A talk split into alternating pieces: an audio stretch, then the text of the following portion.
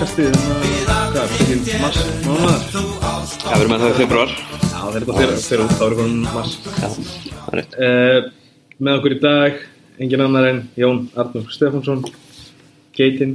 Ég ætlum bara að byrja, hvað finnst þér um viðnafni Geitin? Þú er aldrei verið spurning um það. Það er skemmtilegt að Nei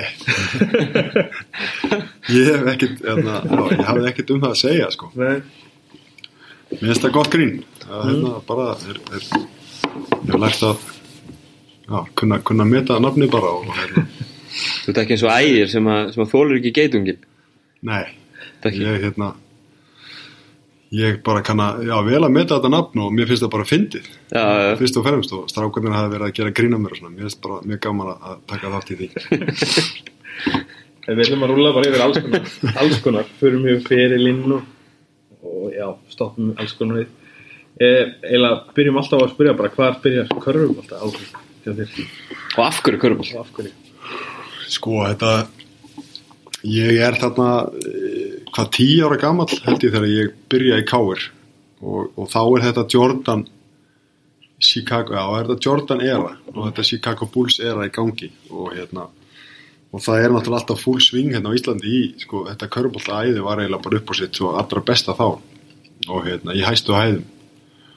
Og maður var bara alveg í því, maður var að býta myndum og, og við vorum hérna fórum að, að spila gödubólta þarna strákarnir í löganu sinu. Og eldum svolítið þessa eldri stráka sem að voru farnir að sækja æfingar hérna upp í Vesturbæ. Hverju voru það? það voru hérna Steina Kaldal Mm. Finnur og Ingi Viljámsinnur og fleiri uh, Snorri allt strákar sem að, já, fóru úr löganu sinu og byrjuði að spila með káir sem er svolítið sérstætt en það er svolítið langt að fara á æfingar en, en það var bara engi, ekkert körfbóltalið hérna í, í nákvæminu við okkur. Ekkert í hérna, þrótti ekkert í fram eða ekkert í vikingana hérna. það fóru bara allir upp í Vesturbæin og það var þetta stræt og leið 5 og, og nummer 4 fjarkjur og 5 sem fóru upp í Vesturbæ. Og þannig að það bara lá held ég bara beinast við. Þannig að við eldum þessa stráka og, og fórum að spila við á gödupálta og, og, og, voru náttúrulega alltaf bara hérna eða flesti vinnindi bara í fótbólta í fram. Og svo var það bara eitthvað við körlum að vera úti í, í, í, í hérna á playgroundinu og, og, og bara fylgurinn eitthvað var bara einhvern veginn allt ég einhvern veginn bara var bara ástf- ástfangin af því. Og, og hérna búningarnir allir, þú veist, maður fekk hérna Jordan búning og Jordan skó og þetta var miklu me- meiri kultur í kringum körfbóltan heldur en heldur en og Svona öðru vísingaskilning já, svona meiri kultur, öðru þessi kultur og hérna tónlistin og rappið og allt þetta, Ah. þetta er alltaf pakkir sko, þetta var ekki bara að skjóta körfuboltanum í, í hérna í, í körfuna sko, þetta var líka kulturinn í kringu það sem maður hérna, svona heillaði mann. Já. Var það þá Jordan sem að það var Jordan alveg nummer 1, 2 og 3 og ég hef alveg verið bara engöngu Jordan-fan alveg síðan og eiginlega held ekkit upp á neitt annan körfuboltaspilar Nei. ég hef aldrei gert sko. Nei, eiginlega hætti eiginlega bara fylgjast með NBA eftir að eftir að hann hætti án Já. gríns og, og svolítið sérstætt en, en, hérna ég sakna alveg ríkalega sakna sárt. Það skiptist, ég man eftir á þessu tíma það skiptist það svolítið í svona annarkoð helst með Jordan eða þú varst, varst í hérna Drex, þú helst með Drexler fyrst Já. svo helstu með hérna Barkley og helst með liðinu sem var á móti það var, það var til svo típa líka sko. Já. ég átti hérna nokkra vini sem að voru mitt hérna, eins og Helgi Már Magnússon Já. var alltaf hérna Patrick Ewing fan og New York Já. Knicks fan sem var alveg frábært af því að, af því að Jordan náttúrulega niðurlega er allan sinn fyrir sko. Já. það var mjög skemmtilegt En hvað, yngri, yngri flokka í káar náttúrulega bara, þetta er sterkur ágangur. Já, náttúrulega 82 árgangurinn hérna, var rosalega sterkur og, og hann var já, meira hluta bara uppbyggður af strákum úr löginu sinu Mhm. þannig að við vorum duglegar hérna, hérna, að sækja æfingar og, og hérna já, Benny náttúrulega bara var með okkur og, og, og við vorum að æfa allt öðru seldur en öll önnur lið og vorum bara með rosalega mikla hæfileika hérna innan liðsins og, og Benny gerir náttúrulega rosalega vel með, með allar tæknaæfingar og, og, og kend, ok- kenndi okkur hvernig áttu að æfa og, og hérna, kendi okkur hérna, snemma líka að, að, að, að, að hvað segir maður? Hann hérna að bara, ma, ma, það var engin afsökun fyrir því að sleppa æfingu. Maður fekk svona og fljótur að hann, hann, hann kendi okkur þetta mjög snemma og hann hótaði að taka mann úr liðinu ef maður kannski sleppti einni æfingu út af einhverju jólaföndri í skólanum eða, eða einhverju fótballtæfingu eða eitthvað og þannig að þannig að við vorum fljótt svona mjög svona dedikeraðir bara hérna svona ungir, ungir hérna hvað, hvað 10, 11, 12 ára gamli farnir að æfa alveg, þú veist, með tveimur, þreimur flokkum og, og það var góð keisla. En þú ert náttúrulega, nærðu einhverjum meistaraflokksleik eða komin inn í meistaraflokkina og hún fer síðan hvað 15 ára út ég man að ég fekk ég fekk að vera með held ég á einni meistarflóksæfingu af því að ég var bara eitthvað væplast þannig í bjösal í, í, í, í káir og þá vantaði minni með mann. Þannig að ég fekk að taka þátt í einni æfingu.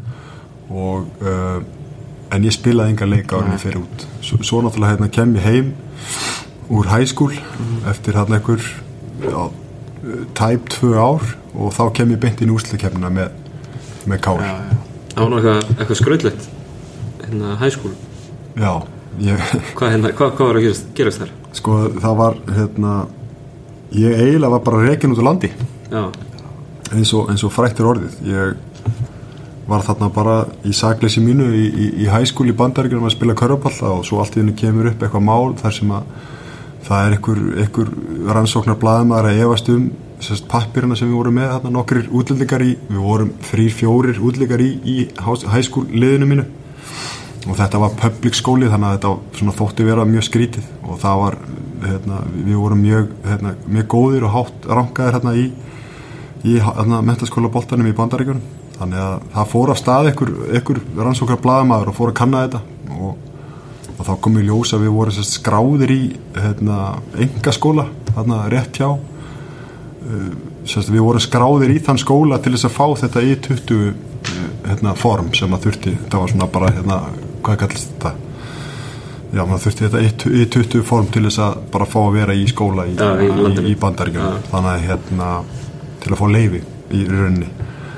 Og þetta kom bara upp og, og við vorum í rauninni, þetta var náttúrulega blásið upp og þetta var í öllum helstu þarna, ESPN og USA Today og allt maður og, Já. og, og, þjálfarið minn stakk, stakk af sko og, og við vorum náttúrulega í vondum málum að segja sko þannig að við eiginlega bara pappi kom út og, og bara við fórum heim saman hann að fegarnir sko og þetta, var, þetta kom út eftir síðasta leikin á tíumbölinu og þannig ég gæti ekki klárað það árið að þann, þú veist, það, það, það hérna, þessi, þessi fjögur ár sem ég ætlaði að vera í hæskúl sko.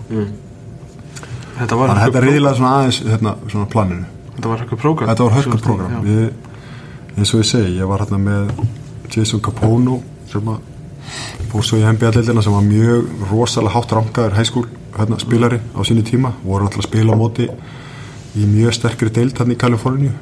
Og margir af þessum strákur sem, að, sem að ég spilaði á móti í hæskúl eru farið í NBA og, og Tyson Chandler og mi- miklu fleiri, ég man ekki svona nefnina nei, þannig að hérna, það var mikið það var hérna vel fylst með okkur og, og, og hérna og háskóla þjálfarar að koma á allar æfingar og, og leiki og, og, og þannig að þetta var svolítið skemmtilegt að, að upplifa þetta allt saman. Var það þá að því að veit maður eins og í dag að þá eru svona akademíur í hæskóla ekki, er, er það eitthvað annað eins og Oak-Hill og, og það sem Haukur Helgi fór í?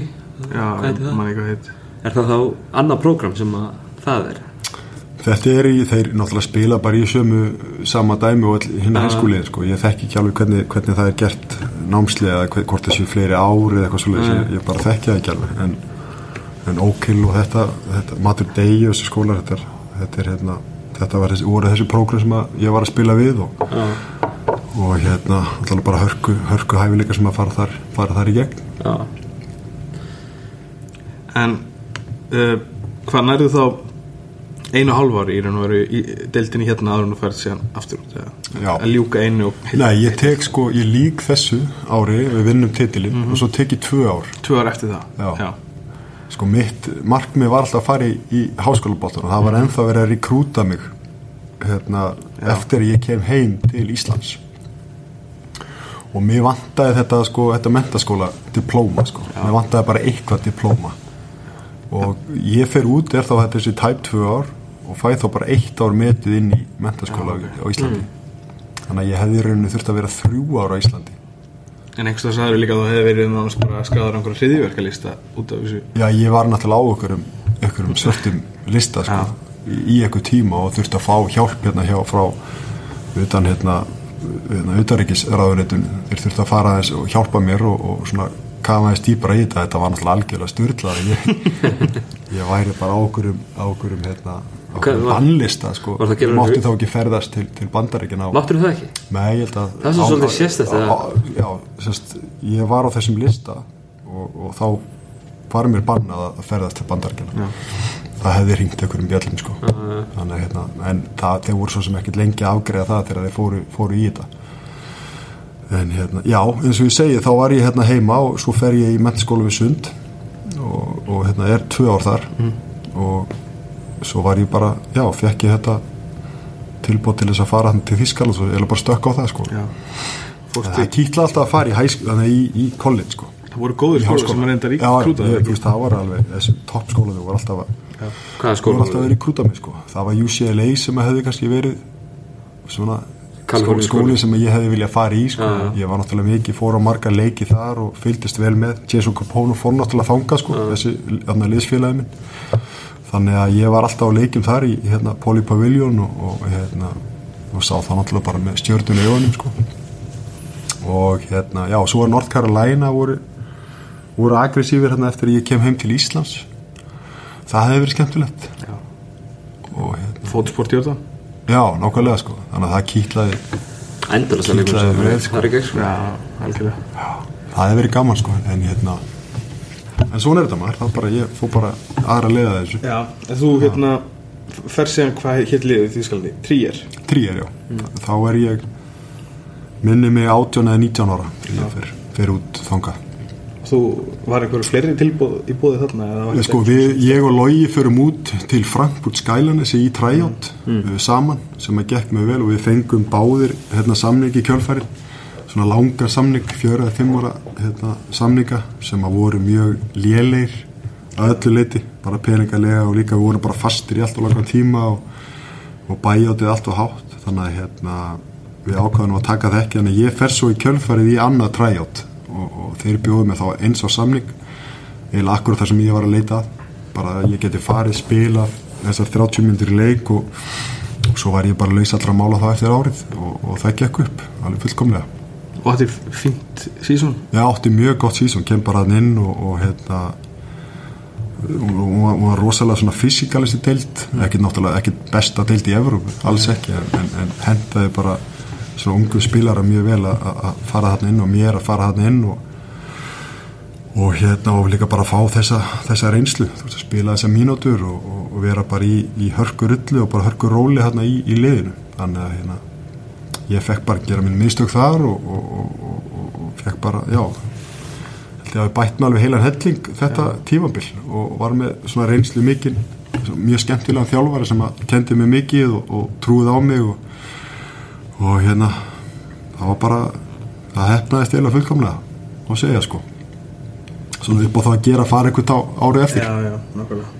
Heldur að, að það sé einhverju leiti betra fyrir unga leikmenn í dag að fara í Evrópu beint heldur en uh, háskóla, bandaríkjum Ég er svona persónlega hlindari Evrópuleginni bara eins og, eins og, eins og staðin er í dag sko. Já, ég hef svona orðið orðið það svona með, með árun og ég veit að, að háskólaboltin hérna er mjög vinsall hérna á Íslandi og hefur alltaf verið en, en ég held að svona upp á ég, ég held að menn fyrir að horfa þess meira til Evrópu, við höfum einblind svolítið mikið og miklu meira á það að fara bara strax til, til bandaríkjana og gott og vel, það er náttúrulega bara frábært að, að, að fara til bandaríkjana og ná, ná, ná sér í mentun samlega náttúrulega kaurubóltanum uh, en vonandi þróast það þannig í Európa það sé þá auðveldari fyrir leikmenn unga leikmenn að fara út þannig sko að aðstæðan utavallar sé betri.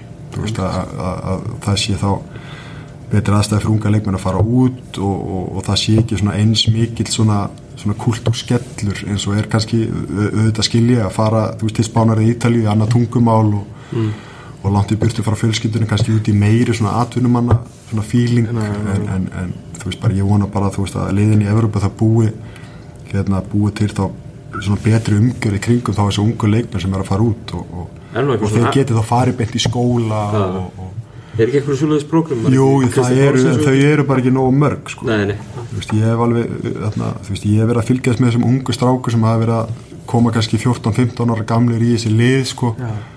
og eru, þú veist, ekkert að plumma sig þú veist, er, læri ekki tungumálið eru bara á æfingum allan daginn ná einhvern veginn ekki að svona félagslega einhvern veginn að Tengjast. tengjast sko. og, og eru ekki námi til dæmis, þannig að hérna, það er náttúrulega mikilvægt bara búa til svona, þú þú þarf að passa það alveg ekstra mikið að umgjörða sé í lagi. Í lagi kringum þessu ungu, ungu stráka sem er að fara frá fjölskyldunum sínum og mjög ungir aldri. Þannig að hérna, vonandi, vonandi hérna, hérna, verður það betra í Evrópu í framtíðina þannig ég er svona einhvern veginn bara vo- vo- vona það og ég, ég, hérna, ég, ég hugsa bara menni aðeins að fókusa kannski aðeins meira líka bara á Evrópu. Mm. því að það eru hörku, hörku tækifæri þar. Nákvæmlega. En þú er hvað, 21 árs eh, 2003 þegar að uh, NBA kallar?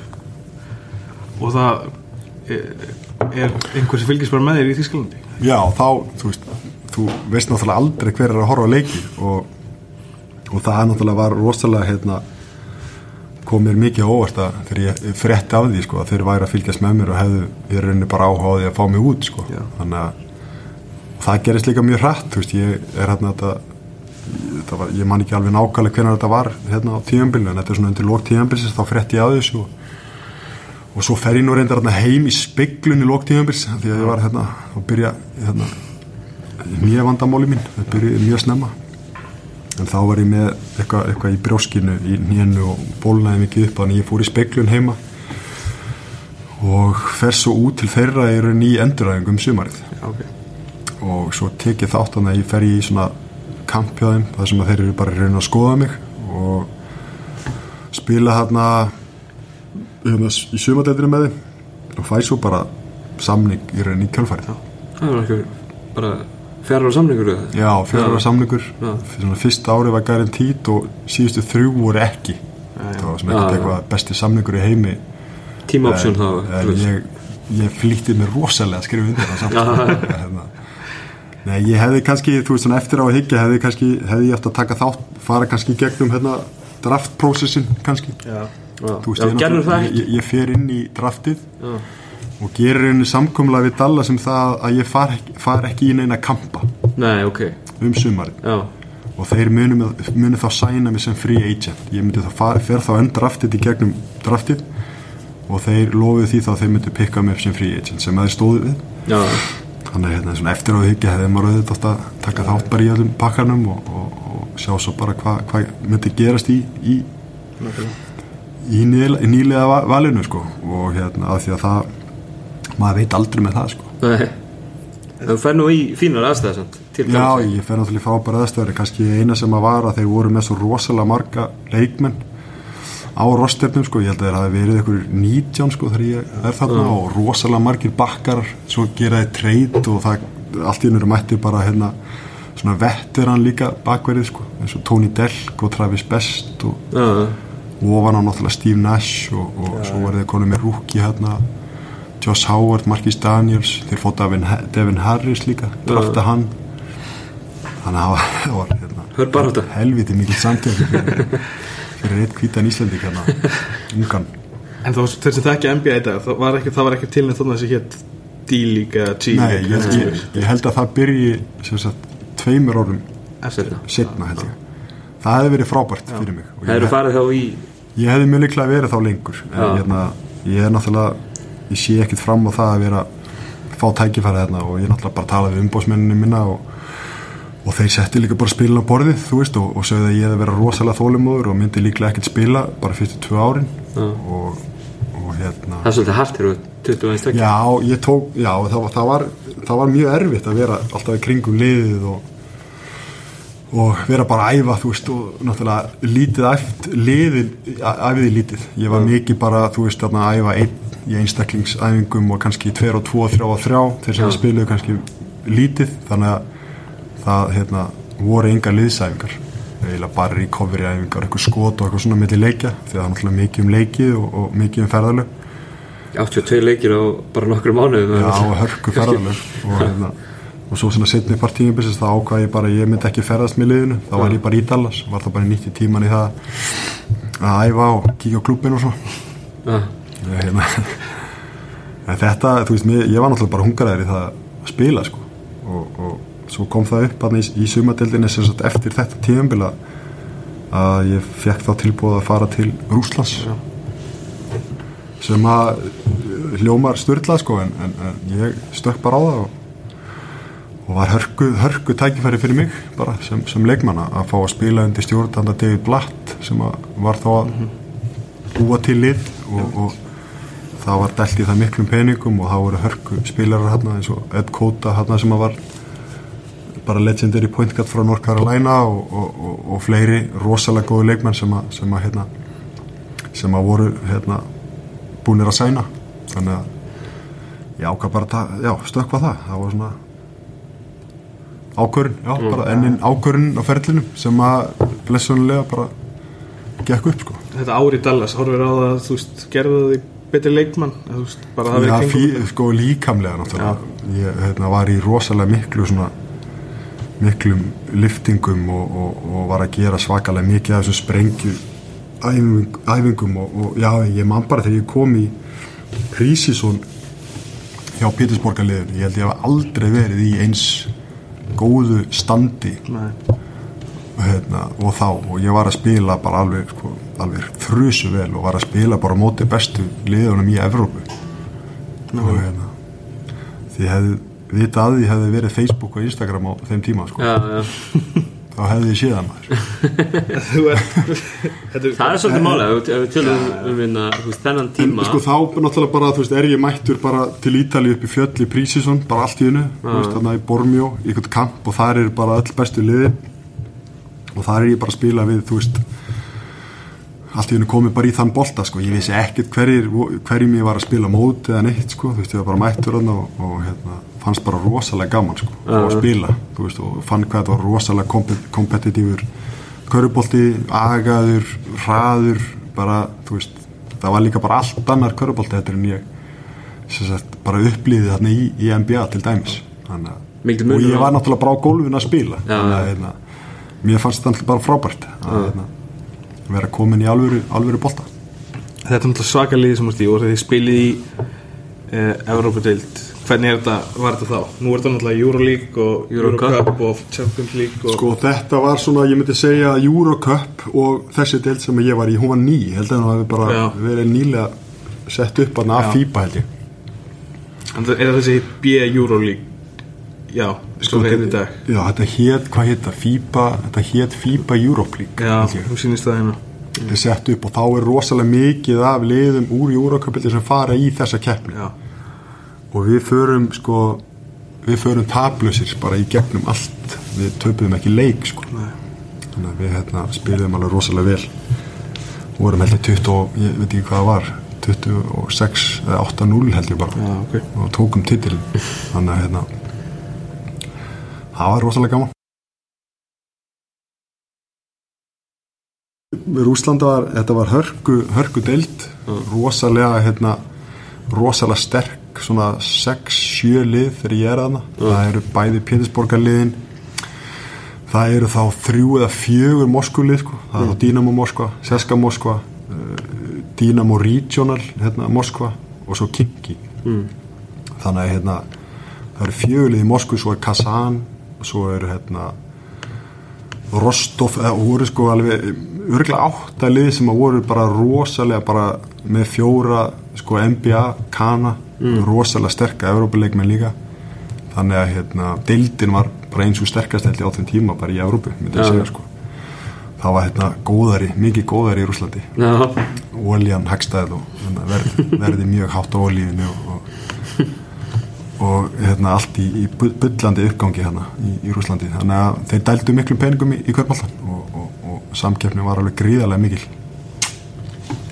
En þú líka að teka þátt í hana All-Star eða ekki? All Star, All-Star. Yes.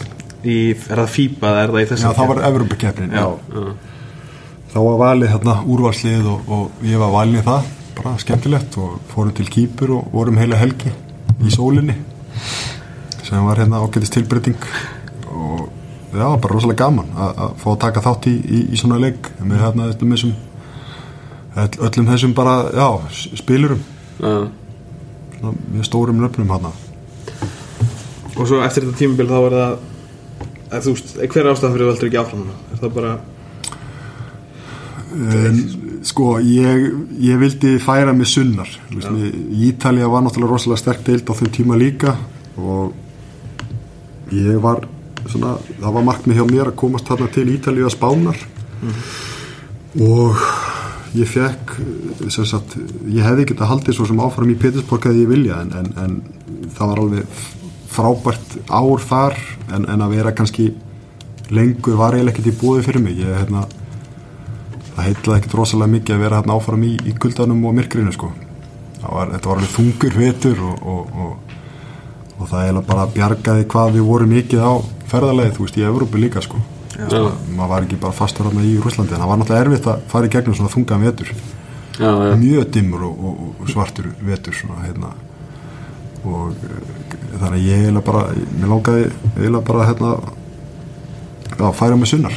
Já, og fekk tilbúð strax frá Napoli sem ég stökk bara á. Að það var, ekkit, var ekki spurning, Það var ekki spurning, nei. Þetta eru hvað, þú ert í, í hérna tvö ár þarna? Í, na- hjá Napoli, það ekki? Jú, eða eitt, eitt ár hjá Napoli eitt var í Napoli já.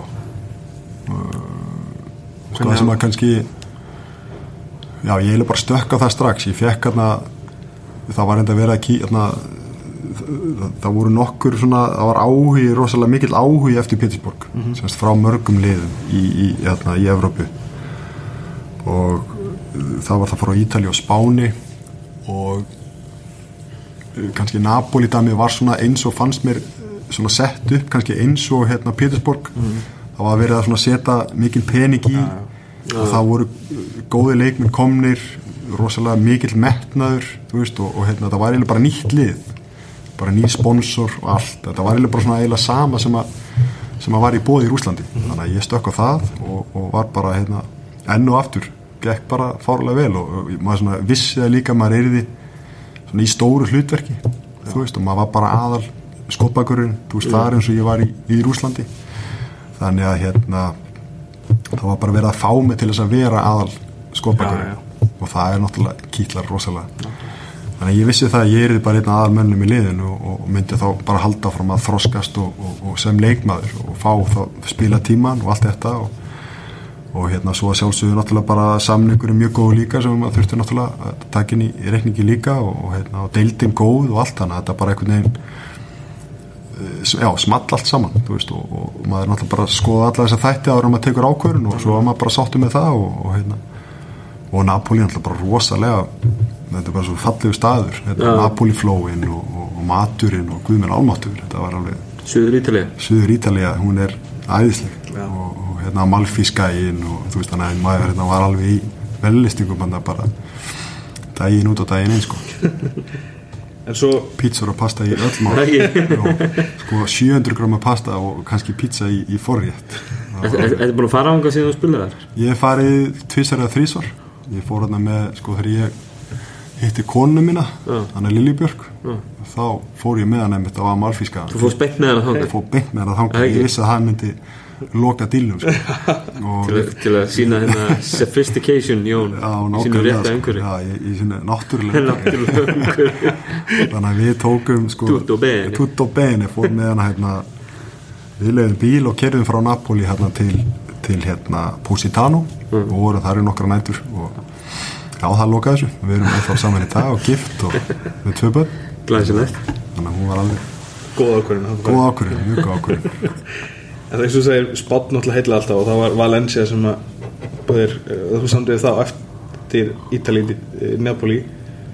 Og einhverstaðlega segja að það hefði kannski verið einhver lítið mestu vombriðin á ferlinu Já, ég var, það er svo fyndin nefnilega. Ég, sko, þegar ég segi ykkur núna á, á ég segði ykkur frá því núna áðan að Pétursborg hafi verið auðveld ákvörðin eða svona einhvern veginn bara góðu fílingur Na, Napoli var það líka. En Valencia var alltaf öðru vísi af því að sko ég var hikandi af því að mér langaði að vera áfærum í Napoli. Við vorum búin að qualify fyrir Euroleague bara mistaradildina þannig að hérna sem við gerðum þetta líka í Pétursborg. Þannig að þannig að ég var svolítið, svolítið hikandi þú veist og, og Valencia það sem að kannski lokaði því var, var að þetta var þryggjára samningu sem þeir buðu mér. Mm. og ég var komið til Valencia allt í spænsku deildin þetta var allt rosalega svona þetta var svolítið stórt fannst mér. Og ég var svona svolítið hikandi hvort ég væri tilbúin í það. Og erfitt að fara úr kannski umhverja sem mér leið rosalega vel. Ég hérna þjálfarinn ég var bara hérna þjálfarinn tristi mér alveg fullkomlega hann í Napoli. Ég var að spila rosalega rullu. Við spiliðum vel, unnum byggarinn komist þetta langt þarna og hefðum alveg eins getað unnið ítalska titili og, og hérna vorum bara með rosalega gott lið og, og mér langaði að taka þátt í Euroleague með, með Napoli en, hérna, og þess vegna var ég svona eitthvað híkandi já og svo fer ég til hérna, ég skrifa ég undir hérna hjá Valencia, fer út og meiðist með landsliðinu held ég bara kortið áður en ég fer út. Já, í Nei, nei, ég fer ekki því, ég fer út til Valencia tek þátt í Prísísson og flýg svo heim í landsleik. Landsleiki, ég var að fljúa fram og tilbaka hérna, sko bara í Prísísson. Ég flög heim held ég, tók þátt í leik flýga aftur út eitthvað upp í fjöll í Prísísson með þeim, flýga aftur heim þetta var algjört bull og þetta var eiginlega gert líka hérna sko, Valencia var ekkert rosalega sáttur með það, ég var að taka þátt í einhverju landslýsverkefni með Íslandi sem að þeir Nei. eiginlega bara liti, liti niður á Já, sko já. og fannst það mjög skrítið að ég væri að taka þátt í. Og eiginlega vildu bara ég yrði þarna áfram og, og bara þú veist, væri, þú veist yrði þarna allan, allt prísísson sem var rosalega langt einhverju tveir mánuðir bara, þú veist, lokaðar aðeins upp í fjöllum sko, þannig að ég var nú fegin að bara komast heim þannig að þeir voru ekkert sátti með það sko. þannig að þetta var einhvern veginn svona það var einhver fílingur þetta sem ég sem ég, svona, sem ég kunni ekki alveg nógu vel við það var orðið eitthvað allt mi- allt of pró allt of svona allt of hérna, stramt Já. þú veist að, að ég var svona vanari bara svona umhverja sem að þú veist maður bara skilur maður þurfti ekki það maður saði bara það sem maður vildi og, og einhvern veginn og, og, og það var bara þetta mutual respe- respect og kannski ekki, ekki þetta, þessi rosalega mikli ægi. Nei, og hérna var heppin með það í Rúslandi og Napoli að þú veist, mér fannst þetta allt vera svona miklu manneskulegra sko. Skil. svona rólegra sko en, en Spánverinn hann var alveg bara sko bara Franco stílinn þú veist, alla leið sko. Fann- fannst þér hægt að félagi verið kannski á móti því að þú færir í landsliði þeir voru á móti því sko. Já, ég er að segja, fannst þér það hart að Já, mér fannst það vera skrítið Já, veist, mér fannst leiðilegt að, að, að að ég er nú bara þannig gaur að, að sko, ég vil bara hafa allt gott á milli sko, þú veist, og eða forðast allar svona árekstra.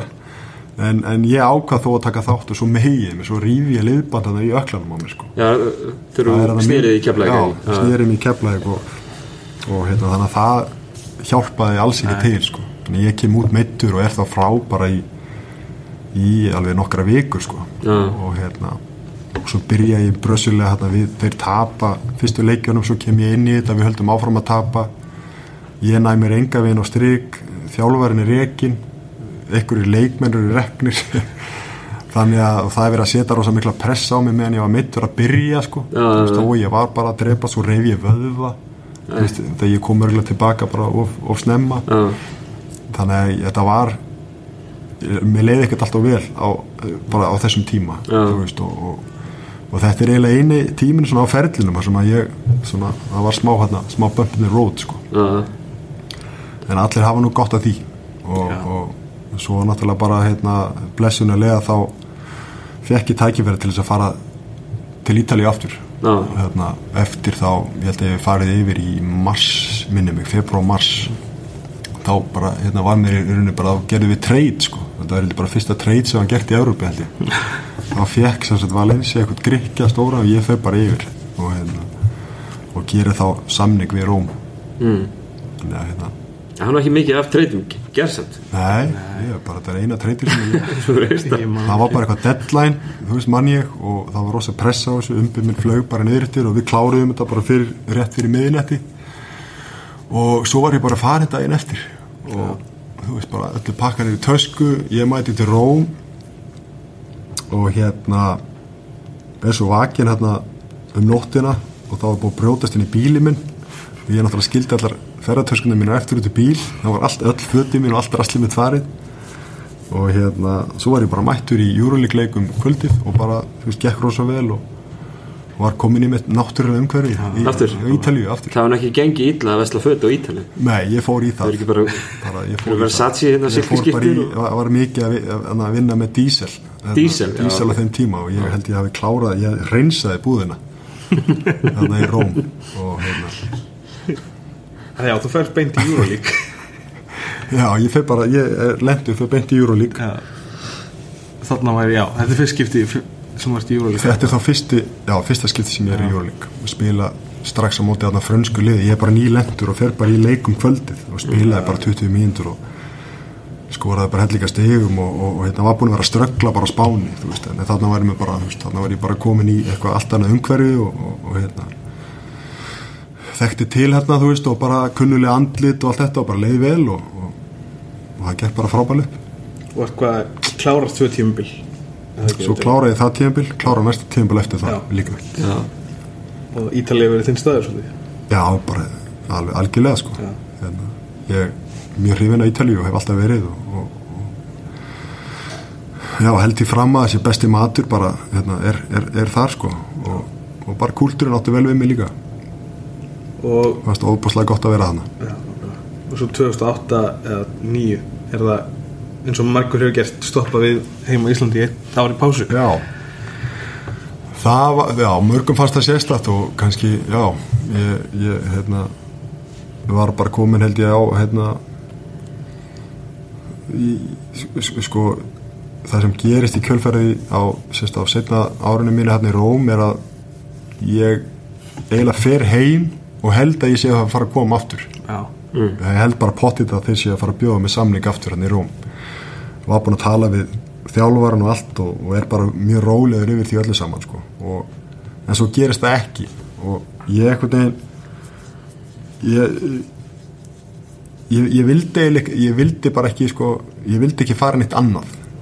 Ég var eiginlega bara búin að vera það núna því að ég var búin að taka þá Þýskaland Rúsland, Napoli fór ekki um Valencia dæmið og búin að vera þetta núna eitt og halvt ári í Róm eða tæp tvö. Og þá bara langaði mig heima hlýðinu skilur mig, bara ég vildi ekki fara inn eitt annað lið var kannski eitthvað smá pyrraðari við því að, að hérna, ekki upp að fara aftur til, til Róm. Og þannig að ég hérna ákvað bara taka mig smá bara svona breyk og, og fara heim í, í káir já. Fínt ár með ágæðis lið. Já, þetta var ég bara, var, bara ég var komin á ákveðin tíðanpunkt þarna og, og langaði heim og, og umbóðsmaðurinn minn var ekki ánæði með það og, og hérna, fekk alveg hellinga tilbúðum til þess að fara eitthvað annað og hann, held áfram að pankast tímir allt sumar en ég sagði bara við henn að ég væri bara búin að ákveða þetta og ætlaði bara að klára það. Og, og held áfram að fá tilbúð hann yfir tímanbili á KR og, og sem ég sagði bara og ekki derfitt? Jú, svona, ég, ég, ég, hérna, fyndi, ég myndist á það núna við nokkra félagmennu daginn að ég var að skoða eitthvað kumil e-mail frá þessum tíma. Og þá var ég í raun að skoða bara svona, þá voru, voru að koma nokkrir póstar frá umbanum bara yfir tímabili og, og þá hafnaði hérna nokkrum spennandi tilbúðum sem að sem að ég banka mér svolítið í hausin fyrir núna í dag. En, en þetta ári og ég vil meina það að þetta ár svona eiginlega bjargaði. Þú veist, ég fer út hann eftir kátímbil alveg rosalega feskur Já, já. og, og tek þá bara setni bylgjana alveg alla leið þarna og, og gaman að koma heim auðvitað og spila með vinnum í káir og vinna titil og, og í, ros, í rosalegri serið líka. Já, alveg frábæri seri og móti hérna náttúrulega bara öðru held ég besta liði sem að hefur spilað hérna á Íslandi öfur og þá var þetta grindaugulið já, þeir voru alveg svakalega vel mannaðir og, og erfitt að eiga við þá sko. Svo fyrir aftur, já, tekur Já, smá svo er náttúrulega sko það sem ég það sem að gerist líka hérna heim á Íslandi er náttúrulega ég kynnist náttúrulega svona konunni minni. Já, þú veist er, Er það þá sem er að draga heim? Nei, það var bara Þetta er ekki tilbúin að taka undir það að þú var bara verið dregin. Þetta er allt meant to be þetta er bara, þú veist. Já, ég skilur skilur við, ég, hérna, ég kynnist þarna þegar ég, er í Róm hérna undir lokin og, og svo erum við hérna að hittast um sumarið og svo bara, já er bara festu við, skilur það er bara komið það og, og, þannig að þetta er allt saman bara meant to be, sko það var æðislegt, það var náttúrulega það besta sem að kom frá þessu ári. frá þessu ári á Íslandi, sko. Og byggar byggarinn var alltaf lægi líka en, en það er konan, sko.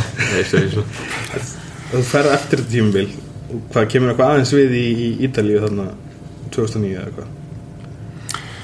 Uh, ég fer út beint eftir tímabilið. Já. sem sagt, beint eftir ú- úrslitin hérna heima þá fer ég út til Benetton Treviso. Bara til að klára tímabil já, klára þá síðasta mánuðin á deildinni og svo förum við hérna í undanúrslit á móti Siena hérna og töpum í einhverjum fjórum, fimm leikjum inni mig. svo er að spána aftur sem og já, var ekki- qualifying fyrir já, já, það. Skilur við. já, og hérna og ég fekk þarna semst tilbúðum það að halda þar áfram sem að ég sagði neyfið einhver hluta vegna. Og enda þá því að fara til Spánar og kjölfarið. Og þetta er að fara aftur til spánar eftir fyrir æfindir Jú, en mér langaði sko, það var samt þetta það er svo, svolítið í mér að ég, ég mér langaði að fara aftur og, og, og standa mig. Já. þú veist og ég vissi alveg hvað bjó í mér ég vissi alveg hversu góð ég væri og ég get alveg spilað í þessari deild. En hérna, þannig að hérna, ég þurfti svolítið svona að sanna það bara fyrir ja, fyrir sjálfum mér rauninu og öðrum að, að ég gæti það og, og hérna þannig að það var smá stress fyrst en, en, en það gekk vel. Þú náttúrulega spila hvað með fjórum liðum þannig til að fer, ferl, ferlinum verið hjá Granada fyrst. Já, ég tek tvö ár í Granada og svo tek ég hérna, þrjú ár í Saragossa og svo fer ég til Malaga svo tek ég Valencia, Valencia, já, lókin, já, og, og klára hérna, hjá Valencia. Og það var mjög sérstætt að fara aftur til Valencia veist, og, og, hérna, mjög ánæður bara líka svona eftir að þetta var alltaf ég hugsaði alltaf tilba, tilbaka til Valencia með svona, þú veist, það var smá biturleiki hérna og, og eitthvað svona svolítið neikvægt sko. Pepsi Max Cherry. Cherry Max kallu við þetta? Ég var að smakka þetta á hana, þetta er einhver einn mesti viðbjör sem ég hef noktum að smakka Það fór kostunum að við er þetta sponsið? þið kvættið það bara út. Já, hérna. Þú varst orðið fyrirlið á Saragossa, er það rétt? Meina, Já, ég var fyrirliði. Þarna, sko, ég skrif undir þarna, eins á samning til að byrja með og svo skrifa ég þá undir tvö ári viðbót hérna, sérst á miðju þá. Og var eiginlega of lengi þar sko. já, ég hefði látt að bara fara eitthvað annað. Ég, svona, jú, jú, körpslega var allt í lagi og borgin var bara allt í lagi. Ég hefði kannski vilja koma mér fyrr í þetta Malaga-dæmi sko, þú veist, eða Valencia aftur, þú veist, á, á, á þennan standard. Já, Herra, uh, betur Herra level sko, já, mér fannst ég alltaf eiga heima þar. Já. og hérna Þetta er bara bestu liðin á spánuð þegar ekki? Jú, jú. Já. Og, og sérstaklega þegar ég var aðna þá vorum við í topparötu bara allan Já. tíman sko. Þannig að var mjög gaman að upplifa topparötu á spáni því að það er ekki sjálfgefið. Nei, þú ert náttúrulega bara með Real Madrid og Barcelona sem dómin er að þú veist bara ár eftir ár eftir ár eftir ár eiginlega engin annar á breyk sko. Þannig að ég við erum kemur hérna inn með Malaga við erum sko bara taplusir ég veit ekki hvað við fórum margar leikir rauðan og tapa og við erum nummer eitt. Eiginlega allt tímabilið. Mm. svo gerist það í rauninni það sama hjá Valencia árið eftir. Við tökum bara eitthvað strík og bætum eitthvað með sko tökum bara í bæði í Eurocup og og í deildinni bara tökum eitthvað strík hérna 20 okkar leiki í röð held ég sko. Og voru nummer eitt eða bara mest allt tíðanbili líka sko. Góð, góð tilfinning. Já, það var mjög gaman. Ekki? og mjög góð tilfinning og, og, og þrátt fyrir það í úrslikefnin mættu við, mættu við hérna Real Madrid. Þegar ég var í Valencia, Valencia og held ég í Malaga líka. Já, Barcelona.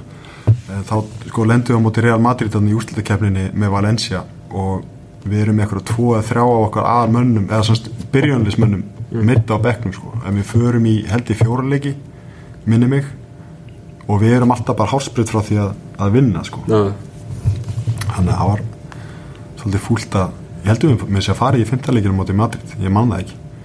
En okkur leið allan eins og að værum svona mjög í að, að- vinna á Svo hafðist það ári eftir að þú fórst. Svo hafðist það ekki- eftir. já, þeir heldu eða bara kjarnanum þjálfarinn var sko algjör esól sko Frank Franko en hann var mjög góðu þjálfari. Já. og, og hérna þannig að þeir heldu kjarnanum bara gerðu nákvæmlega þessum að þessi formúla bara hérna, þessi formúla, formúla ofta á bakvið alla þess að titla hjá þessum liðum. Það er náttúrulega þeir hafa bara fjármagni til þess að halda kjarnanum í liðinu. Já, og hérna, þá, þá er ekki þessar, þessar róteringar alltaf eins og eru kannski á þú veist, þessum, þessum, þessum kannski lagari liðum. Og, og þeir gerðu það og, og það bara skilaði sér. Og þeir eru ennþá með hann í kjarnar í dag og eru, eru mjög góðir í spænsku deildinni. Eh, Sko, þegar þú samtir í Valencia þá var hún eitthvað að tala um að vera jafnvel á leiðinni heim eftir, þetta er eftir Eurobasket eða ekki? Var það bara ekkert í- sem endinni þá eða? Uh, 2015 2015 þá er, já, sérst, þá er ég í ég fæ samning hjá Valencia bara í Berlín. Já, já, já, það ekki? Jú, það var eitthvað hlut minni það? Já, það var bara hérna, þú veist. Fréttin hafa komið þá Eftir, eftir Tyrkjalingin Já, eftir Tyrkjaleikin, þá, skri, já, þá skrifaði heldur bara undir og, og þannig að ég fó bara flög heim og fó beint út aftur sko. uh, en ég, ég var svona sko, var nála því að fara hérna, einmitt til Þýskalands. Var að vona- vonast til þess að komast kannski til bæði hérna, mjúni Já, sko, já, já, líka.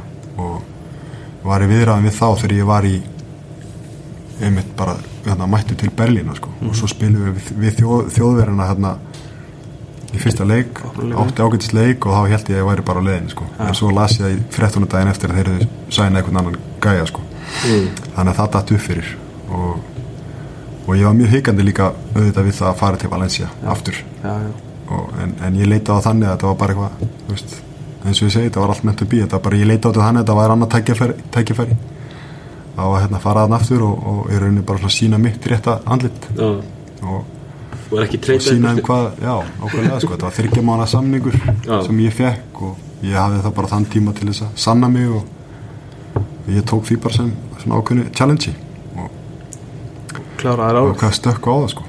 Já, svo kláraði ég árið. Ég var líka mitt, þú veist, ég var mittur í hénu og, og ég líka svona leita á þetta þannig að þetta væri þrýr mánuðir og svo ef að ég kannski kláraði ekki, þú veist, þá myndi ég vera komin heim um jólin og myndi svo bara kannski fara eitthvað eftir það eða, eða kannski bara vera hættur þessu. Ég var svona, svona ég vissi ekki alveg hvað ég vildi gera á þessum tíma. Nei. En það var eftir, svolítið þreyttur, svona Já. líkamlega. En eftir þetta Valencia ár þá ferði Káir Var það, fannstu það þarna á punkturinn í atvinnum að sko ég eiginlega fann, sko ég var orðið mjög þreyttur hérna eftir Berlín. Já. og svo náttúrulega fór ég gegnum hérna, fór ég gegnum þetta mikla spennfall eftir, eftir hérna Európumóti eins og margir sem að þeir hafa lístið margir, margir, af mínu liðsfélögum.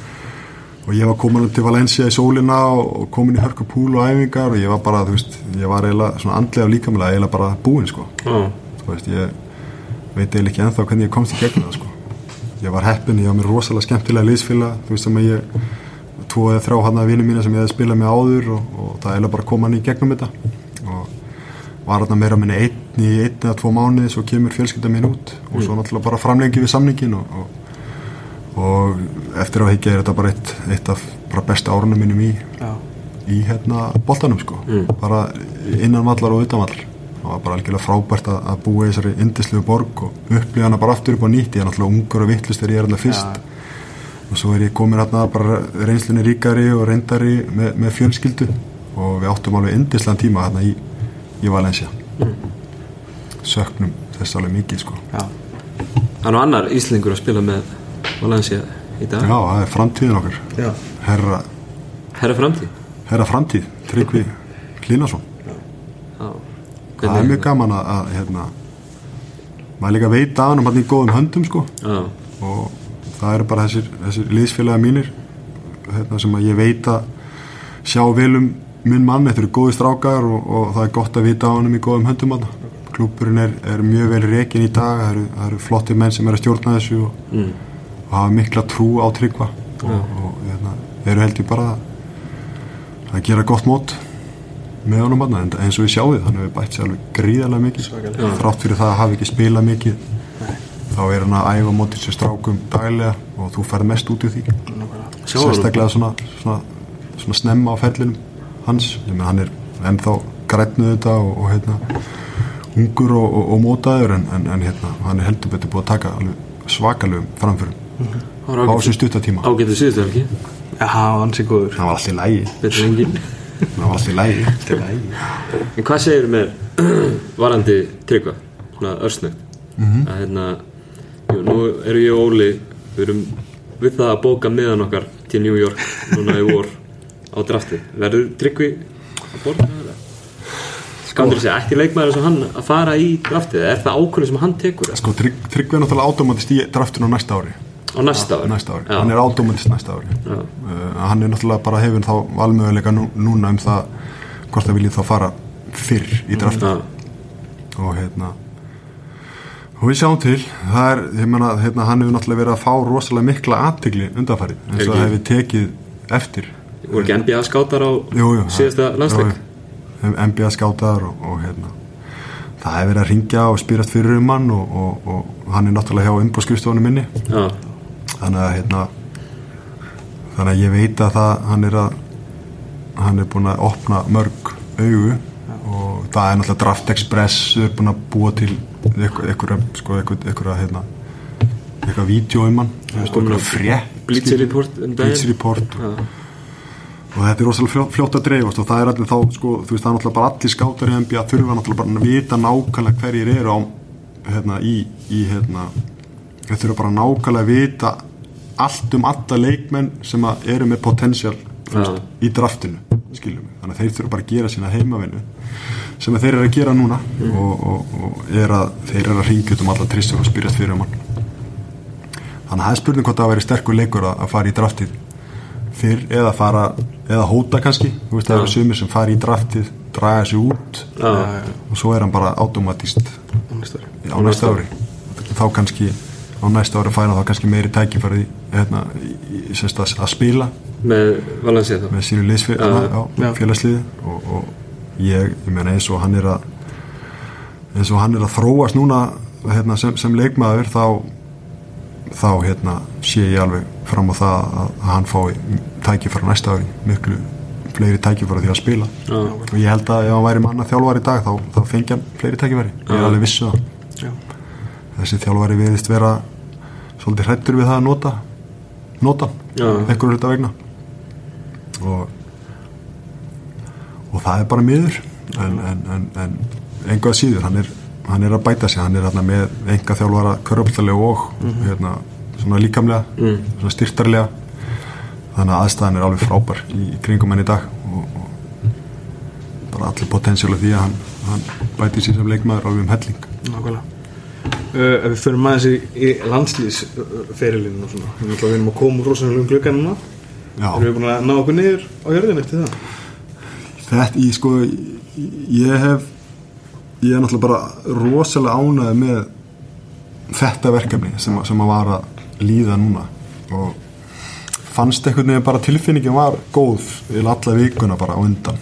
Og svona þrátt fyrir svona neikvæði umfjöllin um, um hérna um landsliðið og um, um, um hérna, KKI og eitthvað svona tal þá fannst mér við, við gera rosalega vel bara ómeðvitað að svona einhvern veginn loka bara á það. Við vorum bara komnið saman hann að leikmenninir og við höfðum rosalega gaman að því bara að vera saman og æfa og við vorum líka bara góðir á æfingum. Náðum hérna, þó þetta hafi verið örfáið dagar þá náðum við rosalega vel saman. Fórum yfir allt sem við þurftum að fara yfir og vorum bara andlega og líkamlega bara rosalega flottir og, og, og það kom bara bersin, bersinlega ljós í, í þessum að við gáum allt í þetta og, og spiliðum bara mjög skemmtilega bolta. Og náttúrulega ótrúlegt hvað Martin hefur bætt sig sem leikmaður og svo kemur náttúrulega tryggvi hann inn í setni leikin þannig að við erum konum með rosalega heilstift lið. Svo vorum við með þess að fallu blöndu hana af okkur gömlu, svona eldri. Eldri og yngri, já, mér fannst balansin eða jafnvægi vera rosalega gott. Og, og, og milli gamla líka. Milli gamla, ég, meina, ég veit og- ekki og ég sko, get alveg líka. talað um hörð og haug sem bara eldgamla hundar sko, eða þeir eru að vera svo lengi í þessu líka sko, rétt að skrifa í algjörlega sko. 30 og haugur yngri. Já, já, þannig að hérna þeir eru náttúrulega rosalega reynslu miklir þó að séu hérna já, valla orðnir þrítur þannig að þetta, mér fannst bara jafna í liðinu og, og breyttin vera Já, mjög góð og, og hérna. Sem, er, sem er kannski svolítið það sem vantaði í síðasta glugga hjá Já, það er alltaf sko, þessna fannst mér kannski gaggrinn og liðið sérstaklega eftir það Já. var kannski, fannst mér svolítið óverðskulduð og við leika í rauninni bara eftir Júrabasket líka sko, að hérna, þú veist, við erum ekkert komnir á þann stað að- við getum mættast til þess að vinna svona stóra þjóðir eins og við vorum að glíma við hérna í þú veist, í nákvæmlega.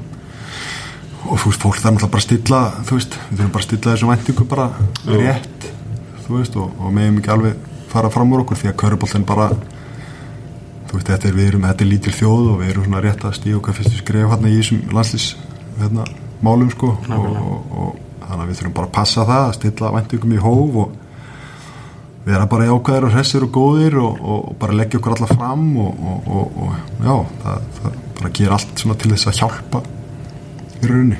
Nákvæmlega. Eh, Þegar vorum að reyfi upp innan fyrsta landsleikina sloga fyrir helgina þá kom þannig til ljós að það var líka þinn fyrsti keflaði gandi Noregi.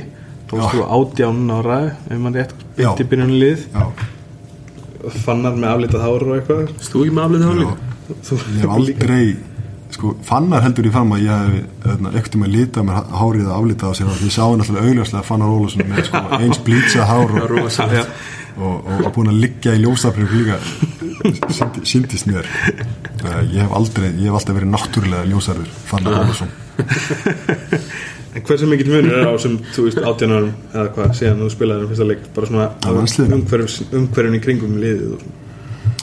Ég man svo sem ekkert eftir umgjörinni þegar ég er 18 ára sko. ég var bara að pæli að spila já. og pældi ekkert í því ég, nautist bara svo rosalega þá þeim tíma að spila með öllum þessum eldri mönnum hann eins og Herberti Arnars og þegar ég ekki minn þá er Her Herbert ennþá hann Jón Arnar og, og hérna, Gummi Braga og, og allir þessi kallar sko, allir þessi gömlu hérna, og, og Helgi Jónas og Páll Axel og Palli Kristins og Fannar og, og Baldur Ólafs og og við vorum hérna í og logi náttúrulega ungir og, og Koppi kemur hérna inn og svo var Jonni náttúrulega hérna Maggi Gunn, þetta var, þetta var, þetta var svaka svaka spaðar hérna þannig að það var rosa gaman. En, en náttúrulega það sem hefur gerst í svona síðustu árum er náttúrulega helsta breytingin er að við fáum inn hérna erlendan þjálfara hérna Petur Ökvist, kemur náttúrulega inn og hann svona svolítið hristur upp í þessu.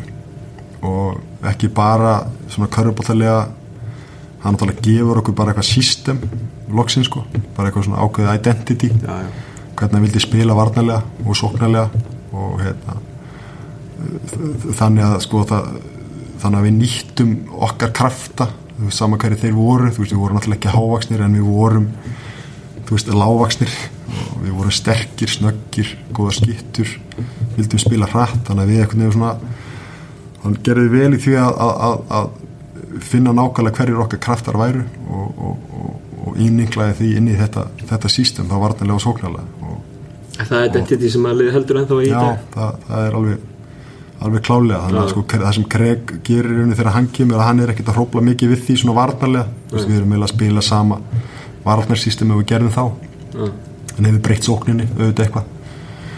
Og hérna þannig að hérna að Petur Ökvist kemur inn og hann svona breytir áherslum innan vallar og utan vallar líka.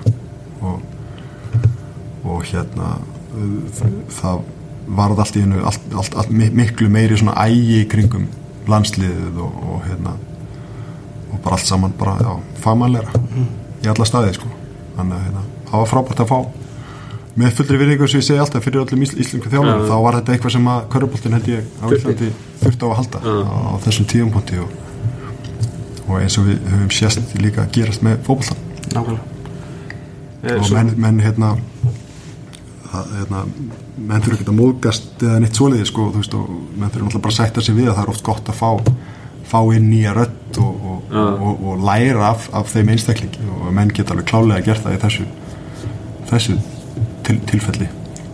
Þú segja að næsti þjálfari landslýsins ætti að vera eh, erlendur líka? ég bara, ég hef vel enga skoðun á því. Þegar við erum með flotta þjálfur á Íslandi, ég hef alltaf sagt það. Og hérna eins og ég segi, Petur og Kreik hafa gefið þessu landslið alveg rosalega mikið og ég, hérna, ég veit ekki, hver er, hver er klárið að taka við þessu landslið af íslensku þjálfurum ef ég á að spyrja ykkur? Ég er ekki með neitt upp í svona fljótu bræði sko. Nei.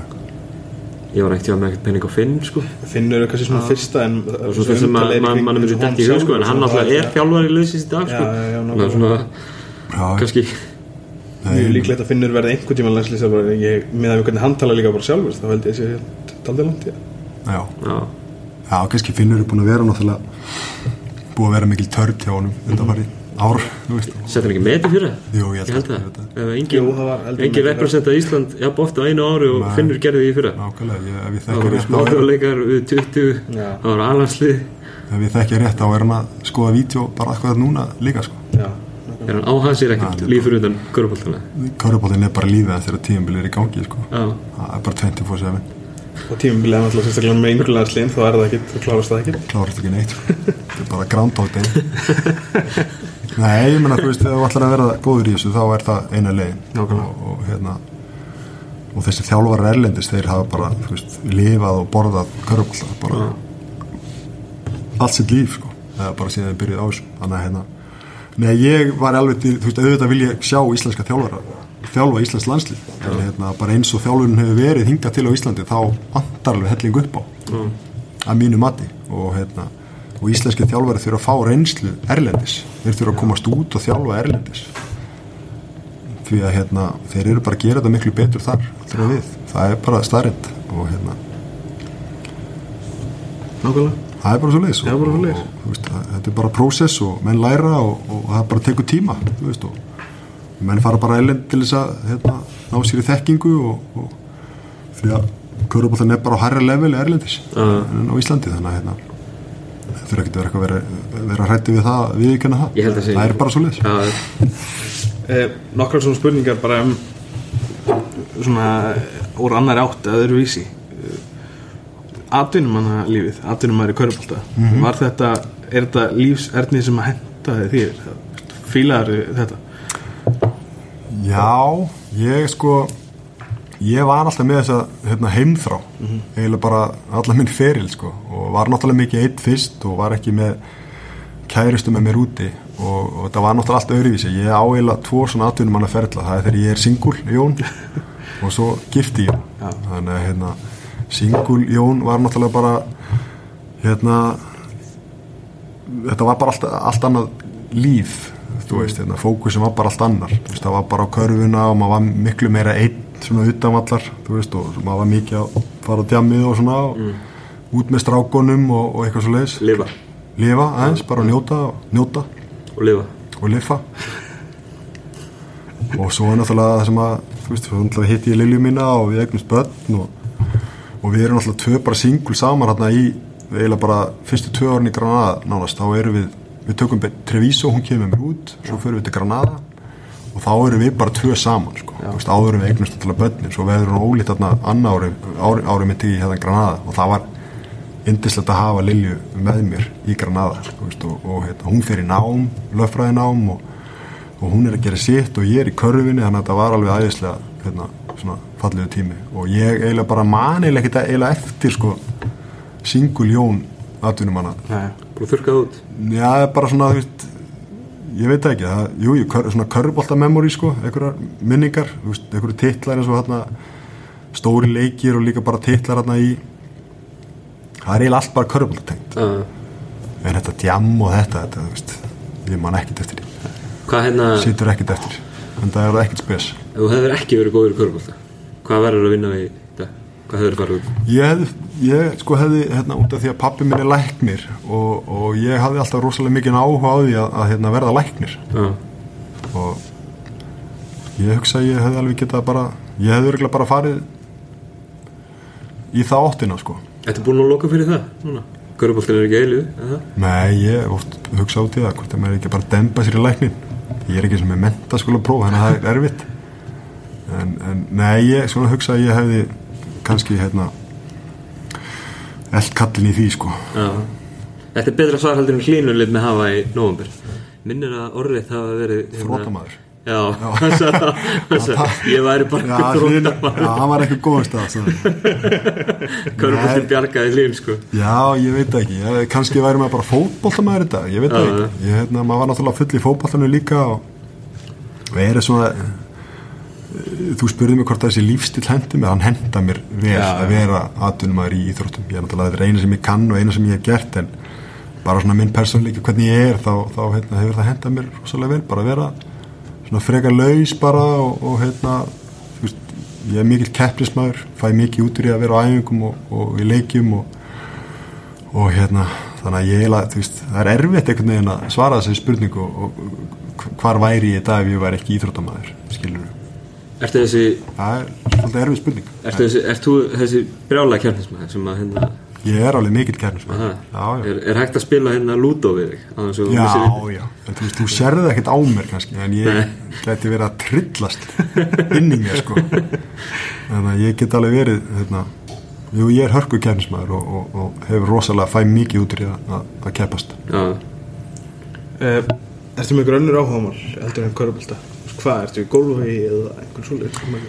Ég er náttúrulega smittast að þessari, þessari golfbakteríu auðvitað og það er svona ákveðin bara fjárfestning líka fyrir framtíðina Já. allt að það verður maður hættir þessu körupallastandi út af því að golfið er svo það er svo margþætt sko þetta er, þetta er svo félagslegt sport það er náttúrulega útiveran það er það er 19. hólan, bjórin já, ískaldur eftir á sem býður eftir upp í klúbúsi það er uh, keppnin líka veist, þetta er, þetta er rosa, rosalega erfitt sport, erfitt að vera góður í þú þarf að æfa þig og hérna, talandi um að trillast, trillast inn í sér, þú veist, þá er það bara þetta er ótrúlega pyrrandi sport sko, á sama tíma.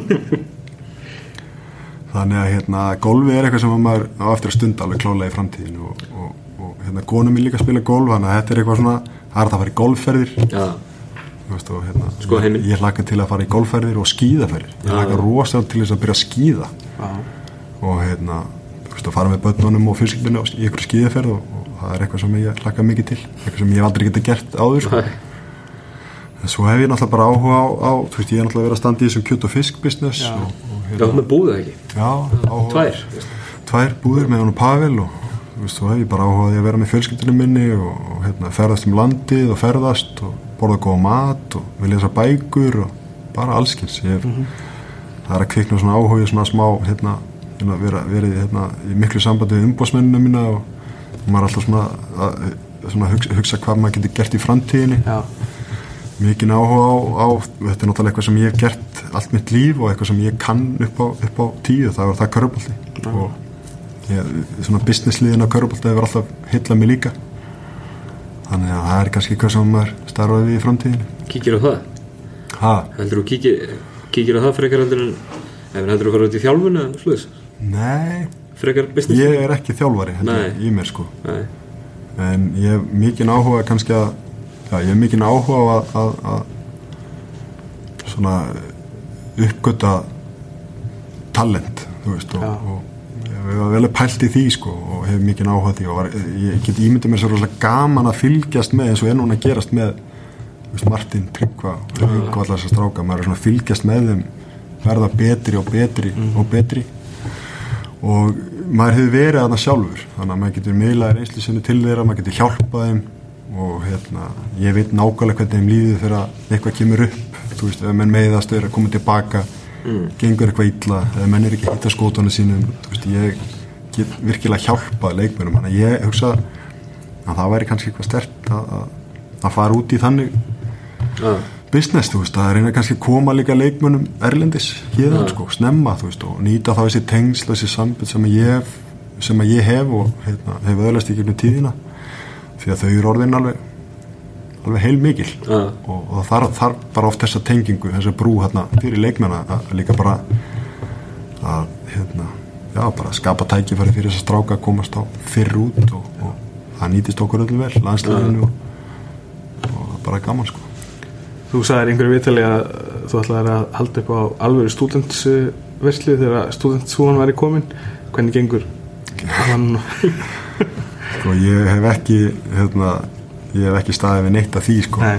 ég á nú sára lítið eftir og eiginlega eina manneska sem að pressar á mig er, er móðu mín og ég, vil, ég gera eiginlega meira fyrir hana heldur en sjálfa mig sko að, að, að hérna, lifta þessari stúdent, stúdentshúi það kemur í ljós svo eru þetta mörg önnu tækifæri líka ef maður vil menta sig það er, það er opni háskóla hérna með eitthvað námskeið sem eru eitthvað nokkru mánuðir og, og það getur maður bara valið úr hvað maður vil gera þú veist, hvort hvort sem það er eitthvað mannistjórnun eða eitthvað viðskipt tengt eða, eða eitthvað skona stjórnun eða eitthvað bara þú veist að auðvitað þess að þekkingu ég þarf svo sem ekkert eitthvað diplóma sko.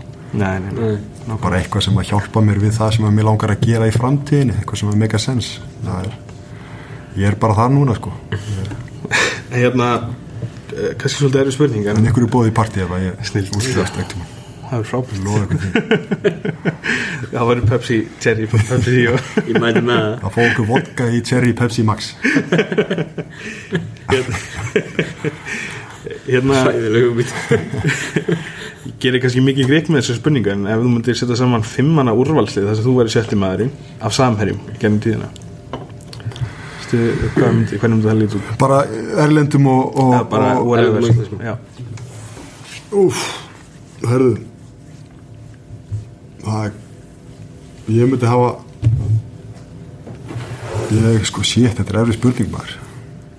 Hefðu þú átt að láta það hafa hann í Sko, morgun ef ég bara svona fljótu bræði þá myndi ég velja Ed Kóta í pointgætin já, Hvað spilaður þú?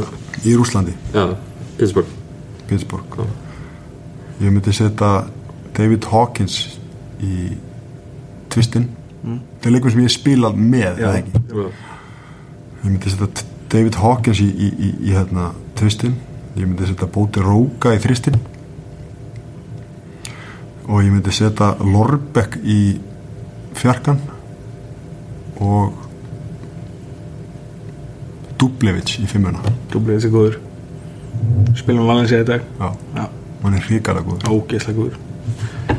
Þetta er svona í fljótu bræði Þetta er svona það eru margir að ég geti sett saman nokkur liði fyrir þig. Nákvæmlega. En hvernig var erfiðast að dekka?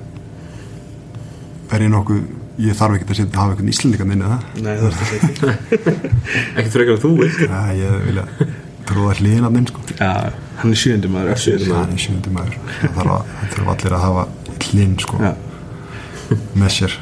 Ég vilja sjá hann spila eitthvað staðar annar staðar í Európu já. Hann er klálega Heldur hann í Svíþjóðu Já, Já, Já, hver, hvernig var erfiðast að dekka á þínu felli? Og spila líklega móti líklega Já erfiðast að dekka hérna mm, Navarro. Já, þú er eiginlega að spila ansið mikið á tónum Já. Barcelona. Svo fannst mér rosalega erfitt líka að dekka hérna JC Carroll Já. er, hann er rosalega erfitt. Þú spila með?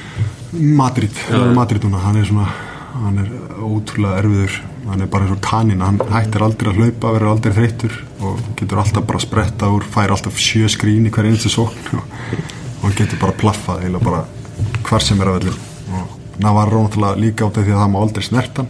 Nei, nei, það má skrifa og alltaf, það er alltaf dæmt villa fyrir hann. Og það er mjög erfitt að spila á þess að neinar hendur en eitt á móti. Hérna, með hendur fyrir aftan bak ég reyni það er mjög erfitt að spila vörðan á móti honum. Nei, ég myndi segja að hann sé svona einna einna erfiðust uh, Sko, við getum náttúrulega að tala saman mikið, mikið, mikið lengur en svona til þess að loka þessu við ekki drætt Ég, ég er ekkert að flýta mér, ég hérna, klukktum hljómaði mikið en hérna, við þurfum ekkert að lóka sér sko. En hérna, allavega fyrir maður sem yfir í Káir og hérna Dómunustöldinu í dag. Já, Nú erum við náttúrulega komin í, erum að fara inn í Raðmót Deildinu er búin eftir viku.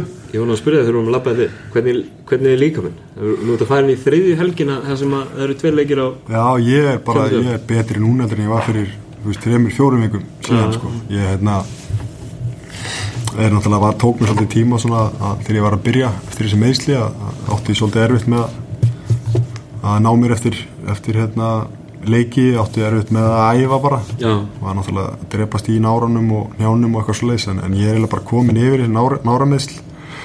Nén eru góð og ég er bara recovera, ég er bara komin í líkamlegt gott form, þannig að hérna, ég er á mjög góðum staði líkamlega í dag. Já, eins og ég sér þá er ég að spila núna þrjár helgar í röð. Först á sunnudag og ég er bara mættur æfingu á þriðdegi og hef, ekki, sle- hef ekkert sleppt úr neinum æfingum.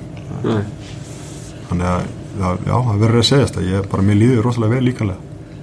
Annars hefði ég aldrei tekið teki þátt í þessu landslýsverkefni til dæmi sko, hefði ég verið eitthvað tæpur? tæpur á meislum og svona, þú veist að ég er náttúrulega skulda káir það að, að þú veist, vera alveg 100% til, til staðar þar, ég er náttúrulega búin að vera mikið meittur síðustu tvö ár og, og hérna þannig að það var rosalega gaman bara að fá að taka geta tekið þátt í því verkefni og komið út úr í næstanis En uh, framöndan eru þrýri leikir til að ljúka deildakefni Þeir eru svona eiginlega búin að missa af deildameistartillinum Kári í fjórðarsæti Þeir eru í fjórðasæti núna.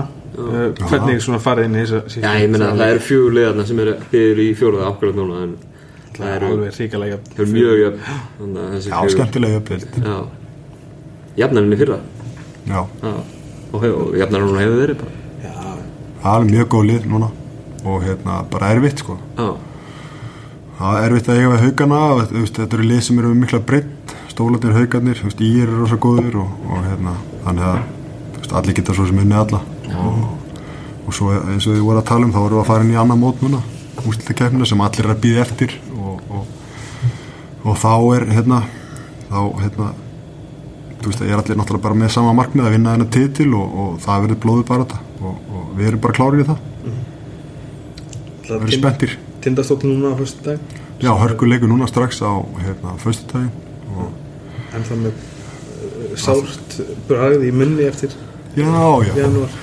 Já, ég sátt ekki veist, bara, þetta var leikur sem að ég er alveg bara eins og ég sagði eftir, eftir leikinu, auðvitað verður maður með það er einhver það er hérna maður var aðalega bara samglætt í steim að hafa unni sem fyrsta titil og þeir áttu það svo, svo fyllilega skilið en það sjálfsögðu viljum við hefna fyrir það.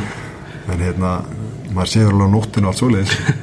Við erum bara einbetti fyrir leikin á, á, á föstu daginn og ætlum okkar erum bara að að bæta okkur og, og gera betur og, og hérna eigum, eigum alveg hérna að geta unnið hvert sem er í þessari deild og förum að sjálfsögðu norður bara til þess að ná í sigur og ekkert, ekkert annað í búði og, og að, að það er bara líka mikilvægt að koma inn í úslutakefnina með svona smá nákvæmlega. Með nokkra sigurleiki og svona og út af að við erum alltaf búin að tapa tveimur röð sko Já Tóku erfiða helgi hérna Já, það var erfið helgi það sem að lendum náttúrulega á móti mjög særðum keflingum og, og þeir komu í DL og bara pökku okkur saman og já, svo spilum við Og nú í, í, í bólnum sko Já, meina. Ég ætla ekki að gera það að vera hérna tímann.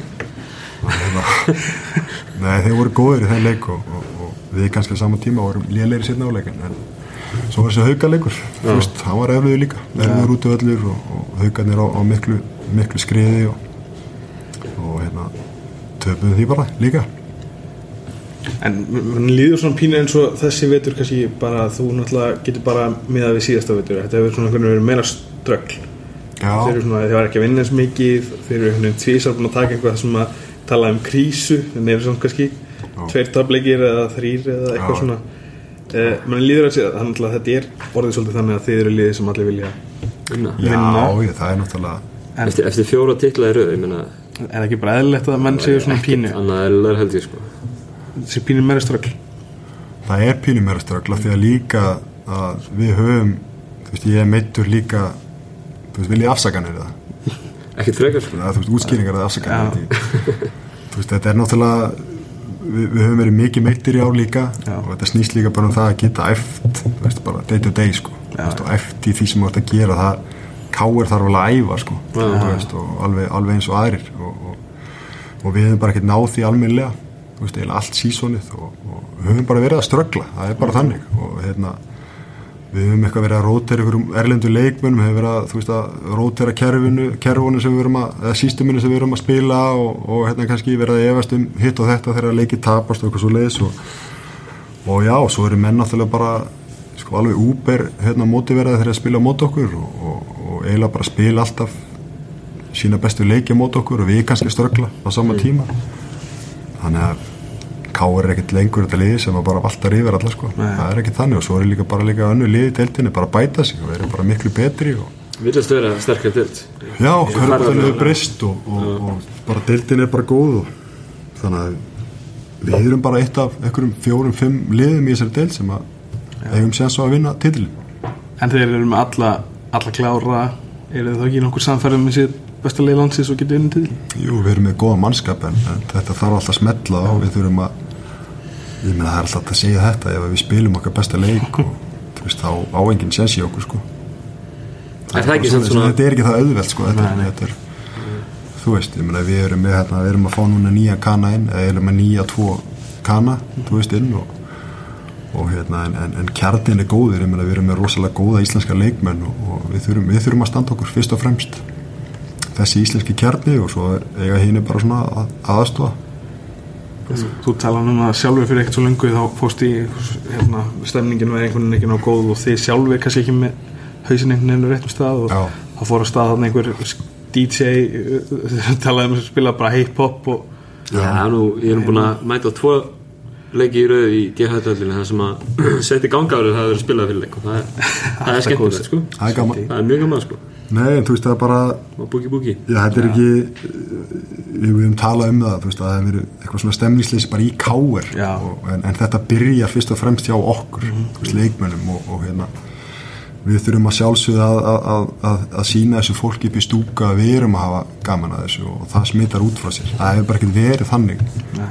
þú veist, í allan vetur. Þannig að hérna, við náttúrulega bara settist niður og fórum eitthvað að pæla í þessu hlutum og og þetta helst allt í hendur, ég meina, þú veist, áhverjandur upp í stúku, umgjörinn í kringu leiki og bara við og þú veist, þannig að þetta þarf þetta er bara eiginlega eitt unit sem að þarf að eiginlega bara að gera betur, sko.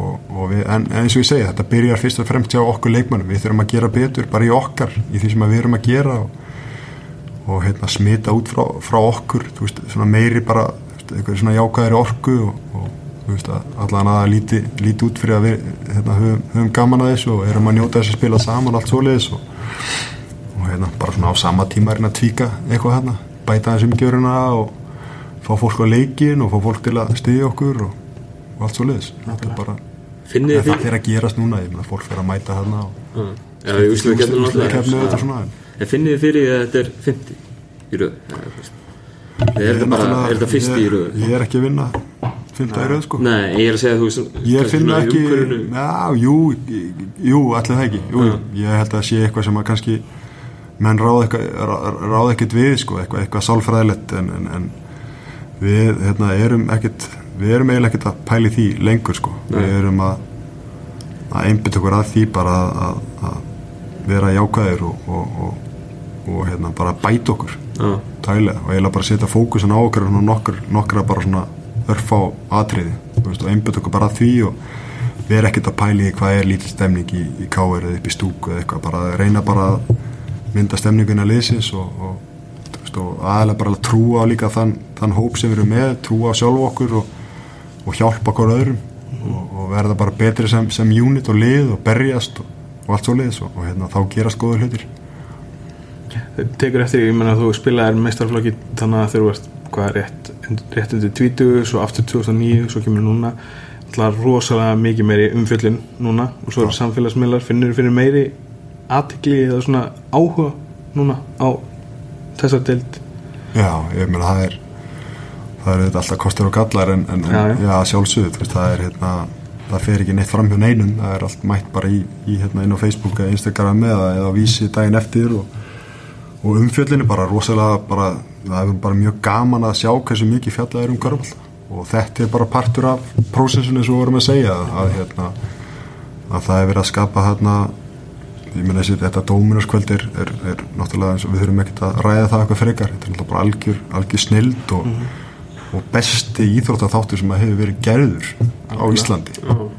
Það, að, bara í, þú veist bara, það er alveg ótrúlega ótrúlega hérna, vel, vel gert hjá, hjá, hjá, hjá þeim og, og hérna og ég hef hórt á, á hérna, sem að þessu fótbolta og handboltaþáttum sko. þeir eru ekki, þeir eru ekki breyk sko Nei. það er bara þannig og, og mér finnst bara þeir fara vel í gegnum fara í hérna, þú veist, þeir eru greinlega rosalega duglegir eða með kamerur bara á öllu leikjum og, og hérna það, já, þeir missi ekki af neinu sko og svo er alltaf með þess að trúða hérna í settinu og, og þetta er mjög gott sjónvarp og þetta er auðvitað bara jákvætt fyrir, fyrir hérna, íslenska að mestu leiti sko. Já, það er bara frábært sko. Já, nákvæmlega. Eh, Landsleikinni í og standa svo er þið náttúrulega snillíkanir ykkar. Já, körfinu maður því að við haldið því að náttúrulega verið í þessu í, í mörg ár. Já, já, og verið að berjast bara ár eftir ár eftir ár og, og bara massa respekt fyrir, fyrir það. Takk fyrir það. Takk. Eh, Landsleikinni í standi 98 það er nýjast talingu Þannig að 100 eftir að átt að koma í hvað hvað Júni? júni á móti ekki Finnlandi heldur Búlgari? Búlgari Nei, þá var í Finnlandi Já, ég ætlaði að að býða þangur til þessu podcast að droppa þessu á okkur að ég er hættur með. Núna, 98 Bara logi er hættur og ég er hættur. Það eru komin fyrir fyrir Óli, þetta er fyrir Mistir fyrir af hérna. Er hún Nei, já, þetta er svolítið, hérna, já, svo, Er eitthvað gullúr og eitthvað? jú, það ekki, það er gullur. Já, Jú, það er náttúrulega bara rosalega, hérna, mikil heiður að fá að spila undirasta leikin fyrir landslið. Ekki spurning, sko. Gummi Ég meina eftir þetta, eftir þetta verkefni núna, þá, líður manna mjög vel. Já. Veist, ég verða, ég verða að vera alveg hreinskilið með það og hérna, ég hefði alveg hugsað mér að hætta bara eftir, eftir helsíki. Mér fannst að vera svona bara svona tímapunkt til að bara að stíga frá þessu, þú veist, og við erum náttúrulega með unga leikni sem eru að koma inn og, og munu taka við þessu og svona og, og, það er svona ákveðin lestur hvenar á maður að einhvern veginn að, að bara kúplis út úr þessu. Já. af því að það, hérna, ég held ég verði alltaf valinn í landslið, sko, ég held að það er vandamálið þó ég, ég geri endalist í brækuna, sko. Nei, nei, hérna, að öllu gríni sleftu þá, þá hérna, fer, fer svo tíma að koma en, en ég finnst ég vera alveg ég er alveg hellinginni, ég, mér finnst ég geta hjálpa þessu strákum og þessu liði veist, og, og ég hef gaman að því að spila þá, þá, hérna. Þú ert nú ennþá settur í Þú ert nú ennþá í stór hluturki í landslinu já, Það er tvo ágæta hann Já, ég, ég, ég, ég á alveg hérna stað í þessu liði ennþá. Já. og um leið að ég finna að það er ekki þá hætti ég þessu sko. Já, ég, hérna, það er ekki spurning. Svo hvað gummi braga á einhverju 60 leikjaðu Þú heldur að ná því allavega ekki ég, ég, ég, ég tek þess að leiki sumar og svo er ég hættur. Það er bara leys ég ég get droppa því hér. Aha, já. Endar í nákvæmlega 100 er ekki eitthvað æfingarleikir undan kannski? Kannski. Ég kannski tek ekki þátt í því til að klúra þessu. Til að enda á 100. Já. Þú voru að náða gullúrið Það er ekkert hægt í 90 98 eða 9 ég fæ þá bara að sita á bekknum til að ná í þetta gull og er ekkert um að setna sko. en sem sko spilandi landslísmaður og, og með einhverju rull þá þú veist, þá er ég held að þá hugsa ég, hérna legg ég bara landslískon á hilluna eftir, Já, eftir sumari sko. Já. Og fyrir það það er held ég mjög góðu tími til, að- til að exita. Við erum ennþá núna í sjens já, þú veist, í þessum reyðili þú veist, og það er eitthvað til að keppa um og, og eitthvað svolítið og eins og ég segja bara við líður að segja hann hafi þú veist, eitthvað, eitthvað að gefa þessu þessu liði sko. Já. En, en þá? Já. En körubolta fyrirlið, þáttu áttu mörg mörg ár eftir þar Svona tíu eða svo? Ég veit ekki maður. Ég hérna það fyrir að koma að því að maður fara að snúa sér að eitthvað öðru og ég vil ekki vera ég vil ekkert vera áfram í, í körubólta þú veist að halda það upp og niður völlin og vera árið lélugur og þetta sko. Ég hérna ég Er Bumban Ég- búin að hafa sambandið þig? bumban er klár. Ég, ég hérna en það maður þarf svona að vinna sér hérna sæti í byrjunlið þar. Það er nú ekkert grín. Það eru því líka kanónur. Kanónur þar Skarpjén og, og Ólaður Ægjesson og Guðmundur Magnússon og fleiri. Jói Átna Svo keftir inn Magnús. Walker inn á milli. Já, nokkulega og fannar Ólars en ég, ég bara veit ekki. Ég er eiginlega ekkert búin að pæli í þannig sko. og hérna, ég ætla bara að sjá hvernig mér líður eftir þetta tíðanbil og, og hérna já, ég er bara að hugsa um þetta landslýsverkefni í sumar. Svona, auðvitað er ég að fókusa bara á úslikefna fyrir ekki, ég er náttúrulega að fókusa bara það og svo kemur þetta verkefni í, í sumar með landslýðinu og ég er eiginlega ekkert búin að hugsa Umfram það. umfram það, ég er bara við að vera alveg hreinskilin þannig að hérna, það kemur bara í ljós Glæsk sjáum bara hvað skrokkurinn leifir Já, nákvæmlega. Ah. En heldur að eh, Þú sett Eftir Semst að segja að þú, þú ert ekki leikmaður sem að vilt feita út í á bekknum Já, nei, ekki, ekki ég hef engan áhuga á því. Nei. Með fullri virðingu fyrir bekknum. Já, já. þá hérna þá En maður hefur séð leikmenn gera ég vil bara vera já, já, ég, ve- ég bara, veist, með það ég ber mikla virðingu fyrir því en, en ég, ég, ég hugsa að ég vilji bara þá snúa mér að einhver öðru. Já,